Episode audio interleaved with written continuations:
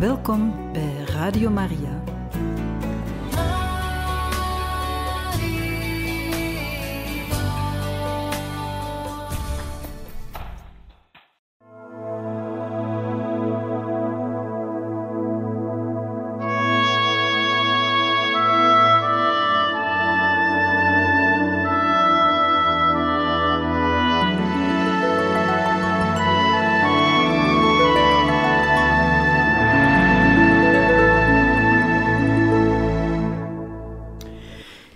Het begin van de oorlog tussen Damiaan en zijn overste. Winter 1883. Dat Fouesnel het niet voor Damiaan had, blijkt duidelijk uit de beschrijvingen in zijn rapport aan de generaal. Citaat: Een goed religieus, een goede priester, een zeer ijverig missionaris, overmatig toegewijd aan zijn melaatse hij heeft geen sapere ad sobrietatem, dus geen kennis van soberheid. En soms doet zijn indiscrete ijver hem dingen zeggen, schrijven en zelfs doen, waarvoor de religieuze oversten hem alleen kunnen berispen. Hij heeft mannen en vrouwen getrouwd die echtgenoten hadden achtergelaten, zonder eerst de correcte informatie op te vragen. Zijn blinde ijver zorgt ervoor dat hij niet te corrigeren is. Hij is geliefd en staat in hoge achting, maar zijn gebrek aan consideratie leidt hem niet zijn goede wil. Einde citaat.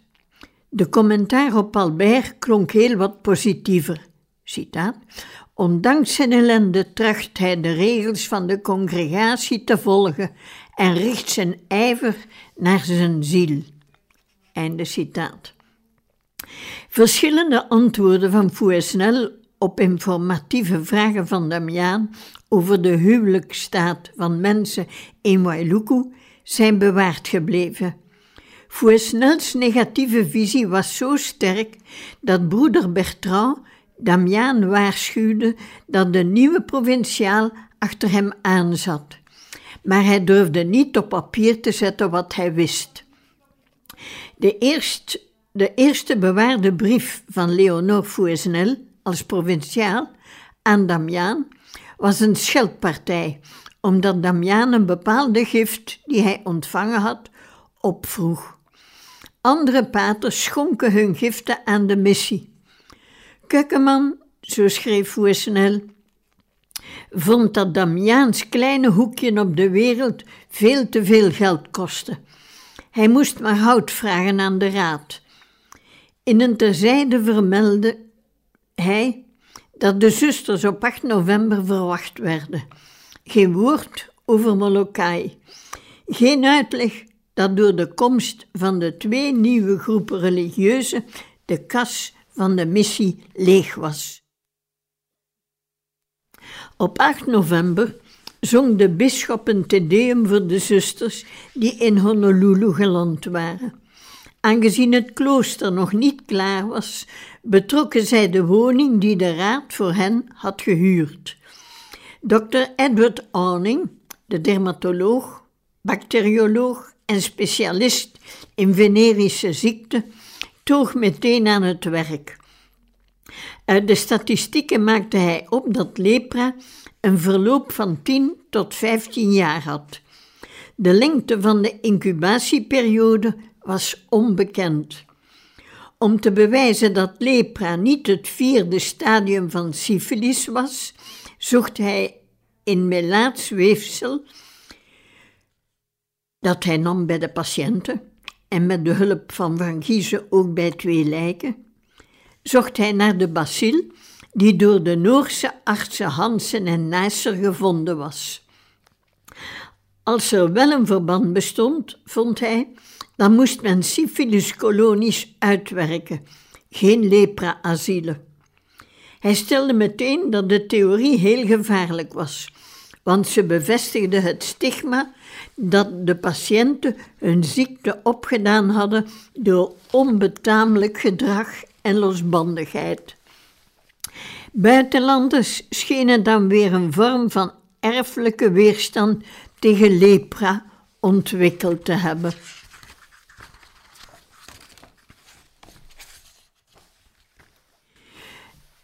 Zonder het te willen sorteerde de realisatie van Damiaans droom een omgekeerd effect. Dr. Fitch schafte zijn reis naar Molokai af. Hij moest de zusters helpen. En Meijer had geen geld meer en vreesde dat hij het ook niet meer zou krijgen. In een BS kondigde hij aan dat de zusters er waren. Leonore schreef een vlammende brief aan Albert, waarin hij stevig uithaalde naar Damiaan in verband met de zusters. De brief is niet bewaard, maar Albert moet hem aan Damiaan getoond hebben. Geschokt schreef de veuster aan Leonore dat hij niet verwacht had zulk een gebrek aan vertrouwen aan te treffen bij zijn provinciaal. Hij, Damiaan, voelde zich niet beter dan de provinciaal en herhaalde dat hij niets had gezegd of geschreven, zelfs geen hoera had geroepen toen de zusters aankwamen. Hij had eigenlijk al alle hoop opgegeven. Als moederoverste of een andere zuster naar Molokai wilde komen, zouden ze comfortabel logeren te midden van een klein, maar volledig katholiek dorp. Aangezien zijn aanwezigheid voor snel dan zou kunnen storen, zou hij zich terugtrekken, als hij het tenminste op voorhand zou weten. Damiaan had niet kunnen vermoeden dat hij zo laag was gevallen in de ogen van zijn superieuren. Fouesnel wist dat hij te ver was gegaan. Hij berispte Kukkeman en de kindse Modeste, onder wiens leiding hij stond. Hij verontschuldigde zich en voegde eraan toe dat hij hoopte dat het de laatste keer zou zijn dat hij zich zou moeten vernederen voor een ondergeschikte die hij beledigd had door het gebruik van ongepaste uitdrukkingen. Eind december was Voer snel weer eens kwaad op Damiaan, omdat hij te veel geld uitgaf, net nu de missie in geldnood zat. Maigret had geld gedeponeerd in Parijs, maar het hoofdhuis had het voor andere doeleinden gebruikt. De oorlog tussen Damiaan en zijn superieuren was begonnen.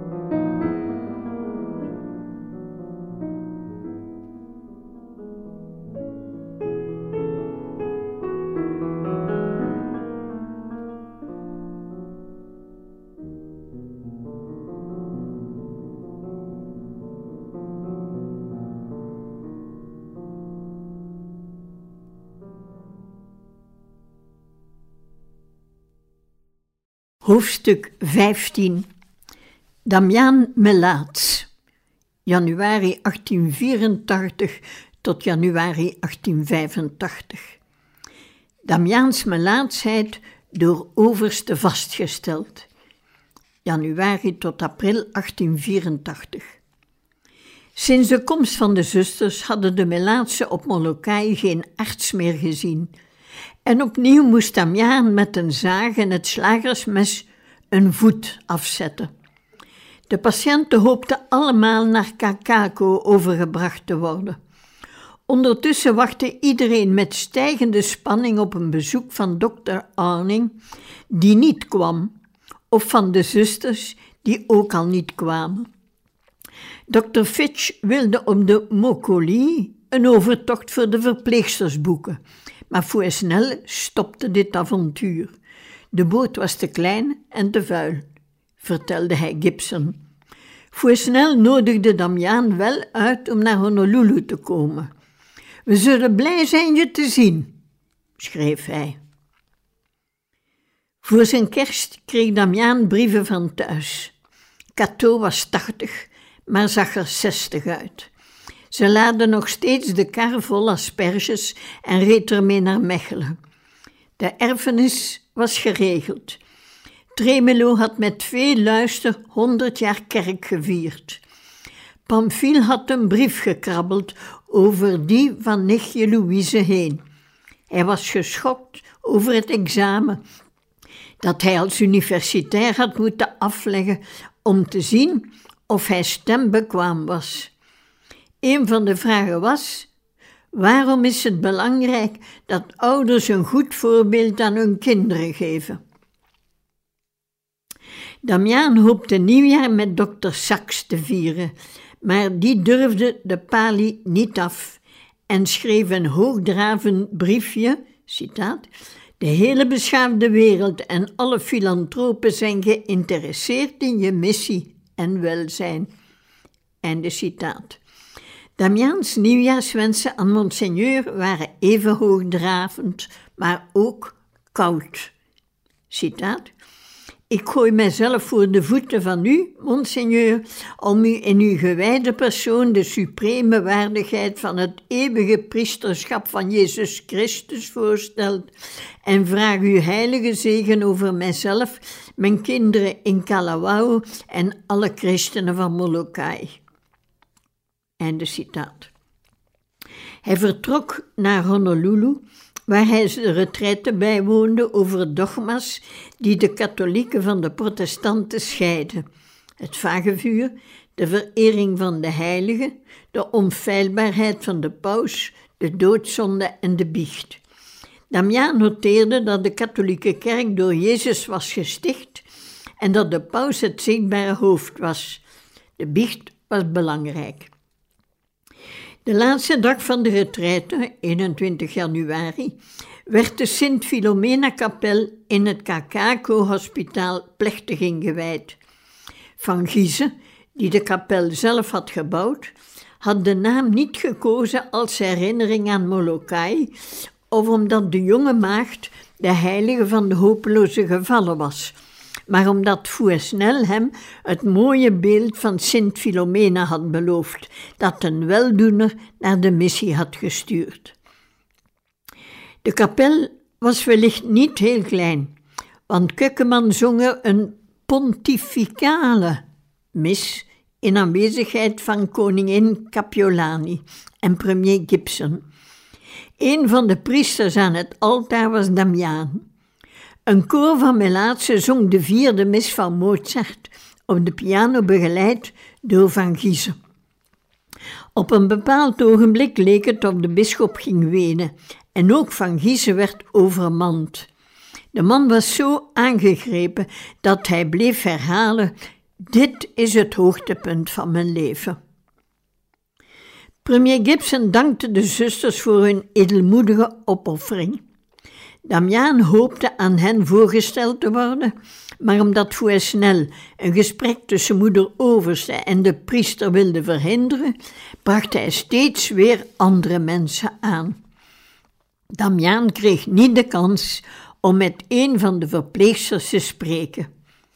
De volgende morgen zeilden moeder Overste en twee andere zusters naar Maui om er in Wailuku een hospitaal en een school op te richten.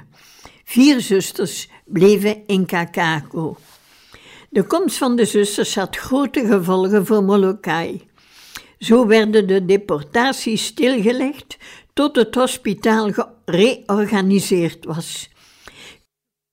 Vier maanden lang kregen ook vergevorderde gevallen de kans om de gototherapie te volgen. Verschillende artsen en drie verpleegsters verzorgden hen.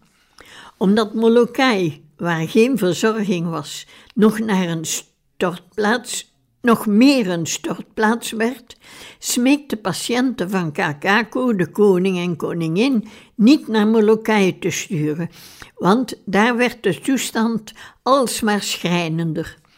Er was voor niets geld. De Lehuha, en daar staat niet bij wat dat is, de Leeuwa sloeg tweemaal op rij de voedsellevering over, al stond de zee niet hoog. Dus het is de naam van een schip.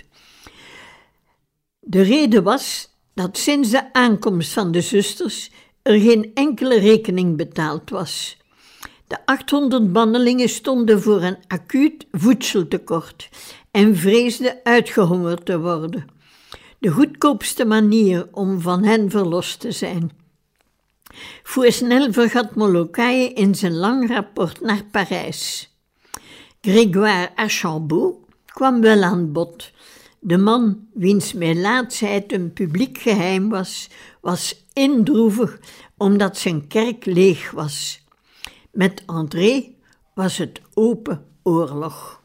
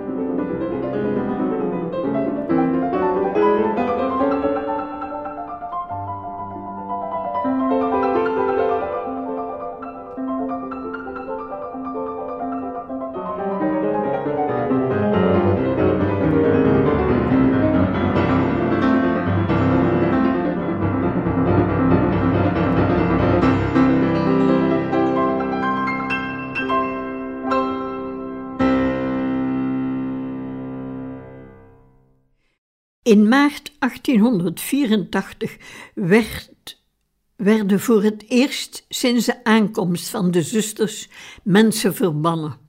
Omdat de Franciscanessen vochten om hun mensen te houden, werd Van Giezen hiervoor geblameerd. Het kwam tot een regelrechte moordaanslag. Hawaiianen onder leiding van het half-Ierse parlementslid Tom Buich drongen in zijn slaapkamer binnen bonden hem op zijn bed vast en overgoten hem met petroleum, terwijl ze verbrand hem, verbrand hem schreeuwden. Voor ze het bed in de fik konden steken, vielen wachters binnen. De mannen werden aangehouden en opgesloten, iets waartegen de zusters sterk protesteerden. Koningin Capiolani, met wiens nicht Van Giezen was getrouwd, en Gibson kwamen onmiddellijk polshoogte nemen. Ze spraken verzoenende woorden tot de patiënten. Capiolani had het over de zwaarte van haar hart en herhaalde haar aloha, haar wens, ettelijke malen. Toen hun wagens in een stofwolk waren verdwenen, riep dokter Trousseau de namen af van de 42 personen die naar Molokai moesten. Dat was een vijfde van het totale aantal patiënten. Omdat een arts met de bandelingen mee moest, kreeg Molokai de eerste medische controle in meer dan vier maanden. Lilio Calani klaagde deze wantoestand scherp aan. Gibson voelde de koninklijke irritatie en drong opnieuw aan op een bezoek van de zusters aan Molokai. Dat zou moeten gebeuren voor de opening van het parlement op 16 april. Hij gebruikte als argument dat een dergelijk bezoek de beslissing om de Franciscanessen alle hospitalen op de eilanden toe te vertrouwen zou helpen doordrukken. snel trachtte Damian te kalmeren door de echte Kaumaha, verontrustende situatie is dat, te melden. De raad wilde de Franciscanessen voor Molokai en zou hun ook alle eilanden beloven. Moeder Marianne was niet bang voor Melaatse, maar het was ontmoedigend voor haar groep, die erop gerekend had alle hospitalen over te nemen, behalve het Queen's Hospital. Daarom had Fouesnel erop aangedrongen dat de zusters eerst Wailuku op Maui zouden innemen en Hilo op het grote eiland en het eiland Kauai.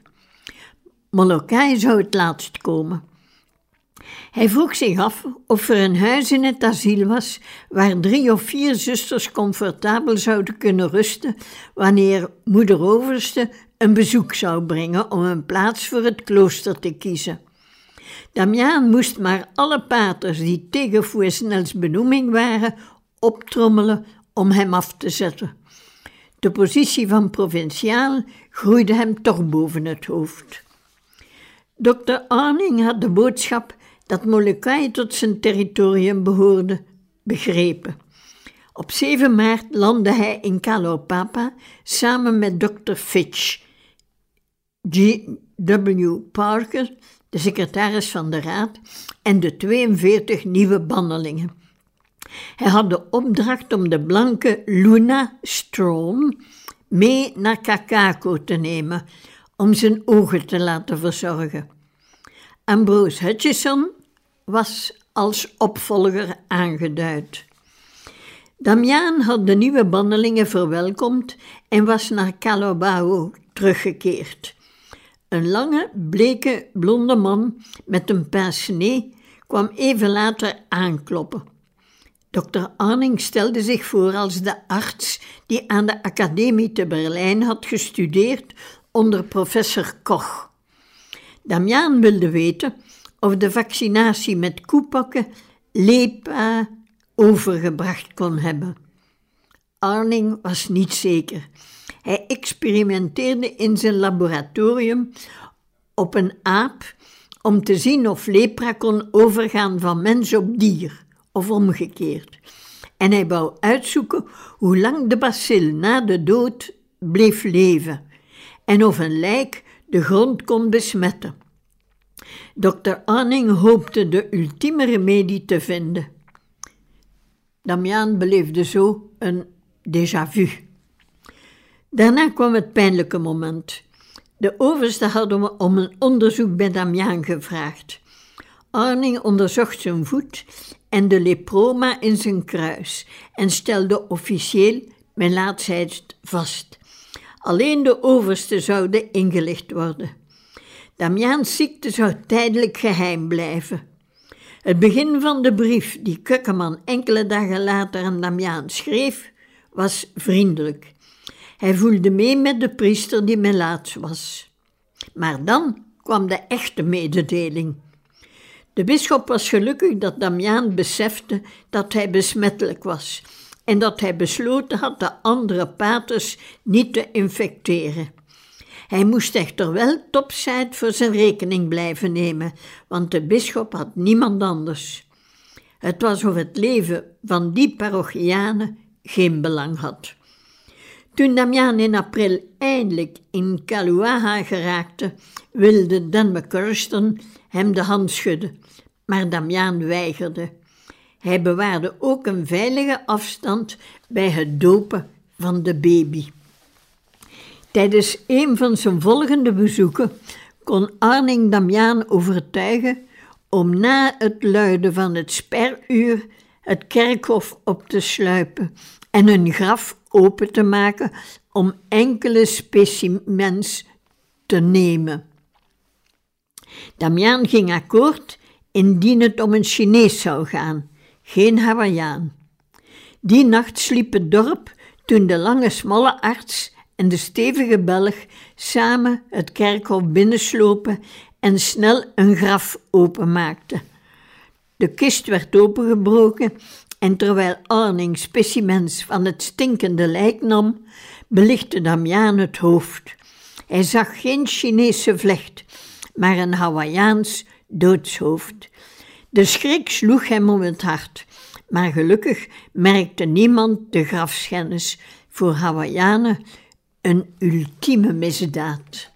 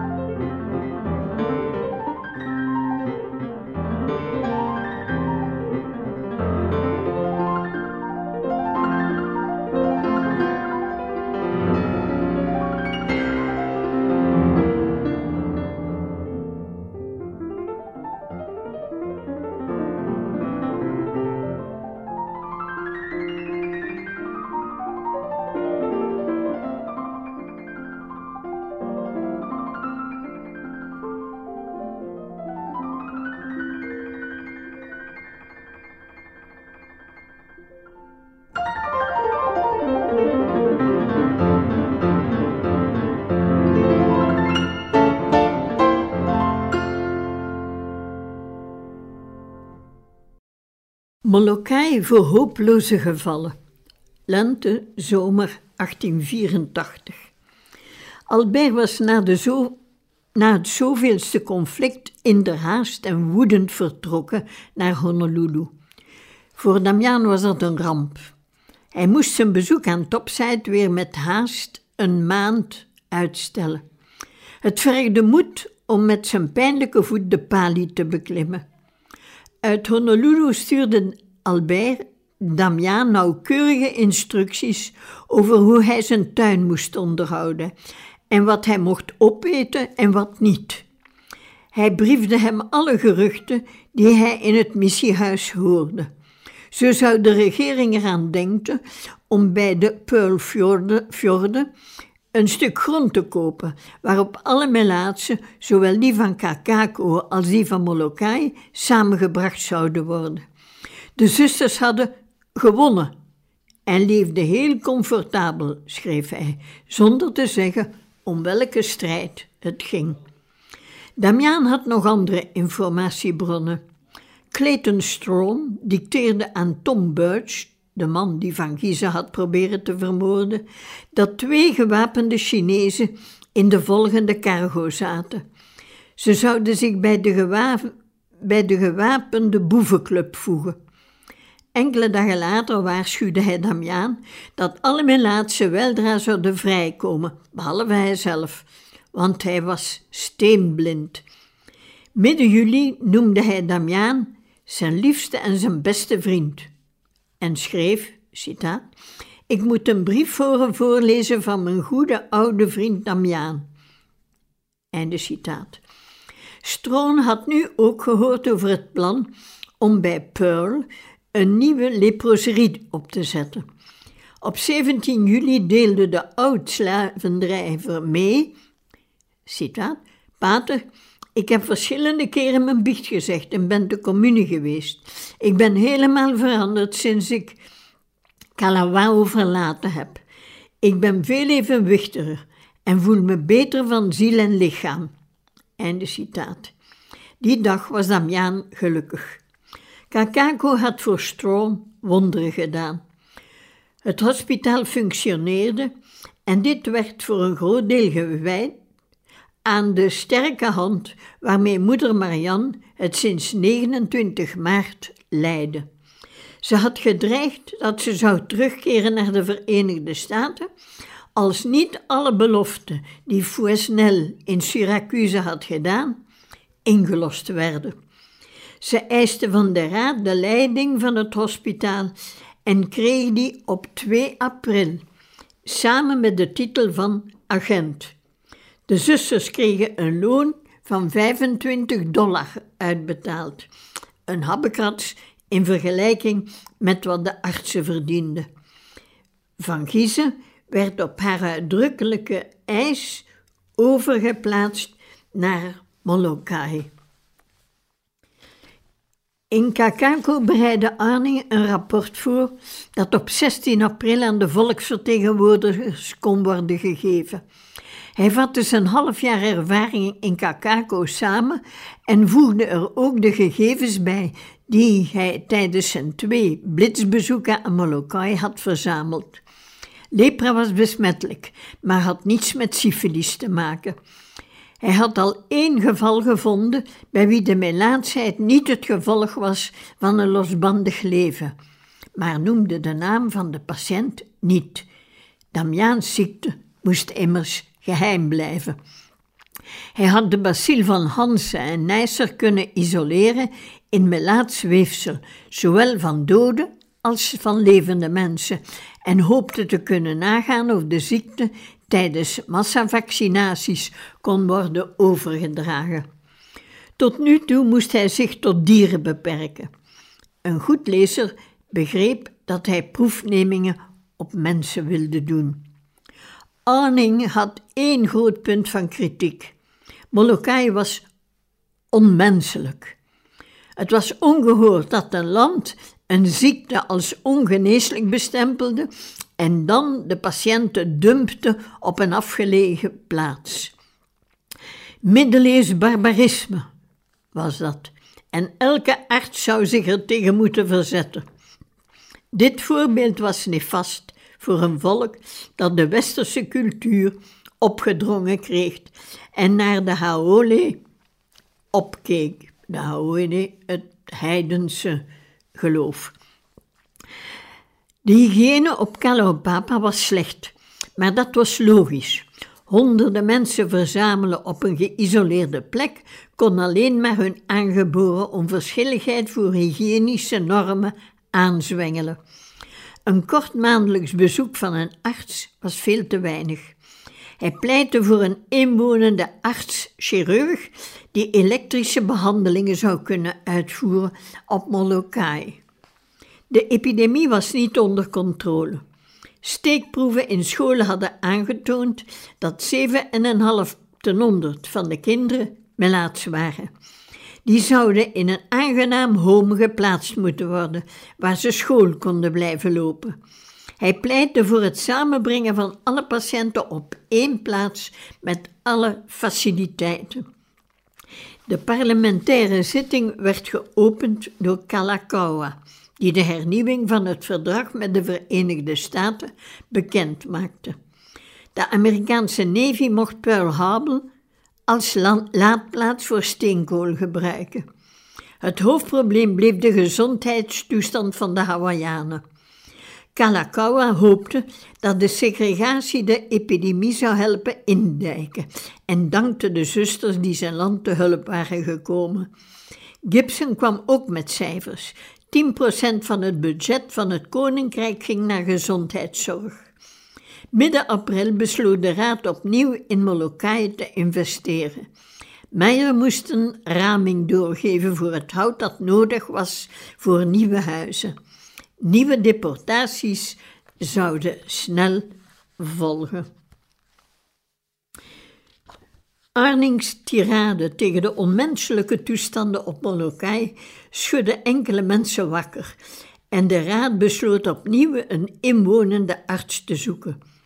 Lilio Calani stelde de jonge Brit Arthur Sinclair Moritz voor. Hij was naar Hawaii gekomen om voor lepraleiders te zorgen nadat hij aan de Londense Universiteit over Damiaan had horen spreken, maar nam een baan als regeringsarts op Oahu. Tijdens een excursie kwam hij bij een afgelegen hut. Een man zat er op een boomstronk. Veel te laat zag hij het geweer. De man, een melaatse, dreigde de arts te doden. Moritz stelde zijn vege lijf. Moritz redde zijn vege lijf door een geneesmiddel te beloven. Zijn vrouw moest op de praktijk langskomen en met de vinger een kruis tekenen. Dat was het signaal. Dat deed ze en van toen af daalde en van toen af haalde ze maandelijks het drankje op. Op een dag stond een onbekende persoon in Moerits onderzoekskamer. Het bleek de Melaatse te zijn. Hij was genezen. Moritz trok met hem naar Trousseau en ook die bevestigde het mirakel. Dit kwam Lilio Calani ter oren net toen er een inwonend arts gezocht werd. Moritz werd verplicht de baan te nemen. Op 8 mei landde hij na een helse reis samen met dokter Fitch en 60 nieuwe bandelingen. Bij de eerste ontmoeting observeerde Moerins Damiaan, een meter tachtig lang, 100 kilogram, sterk, stevig, geen hoed, zonverbrand, een man van de buiten, rechte rug, knap, maar zijn vingers zaten vol eelt.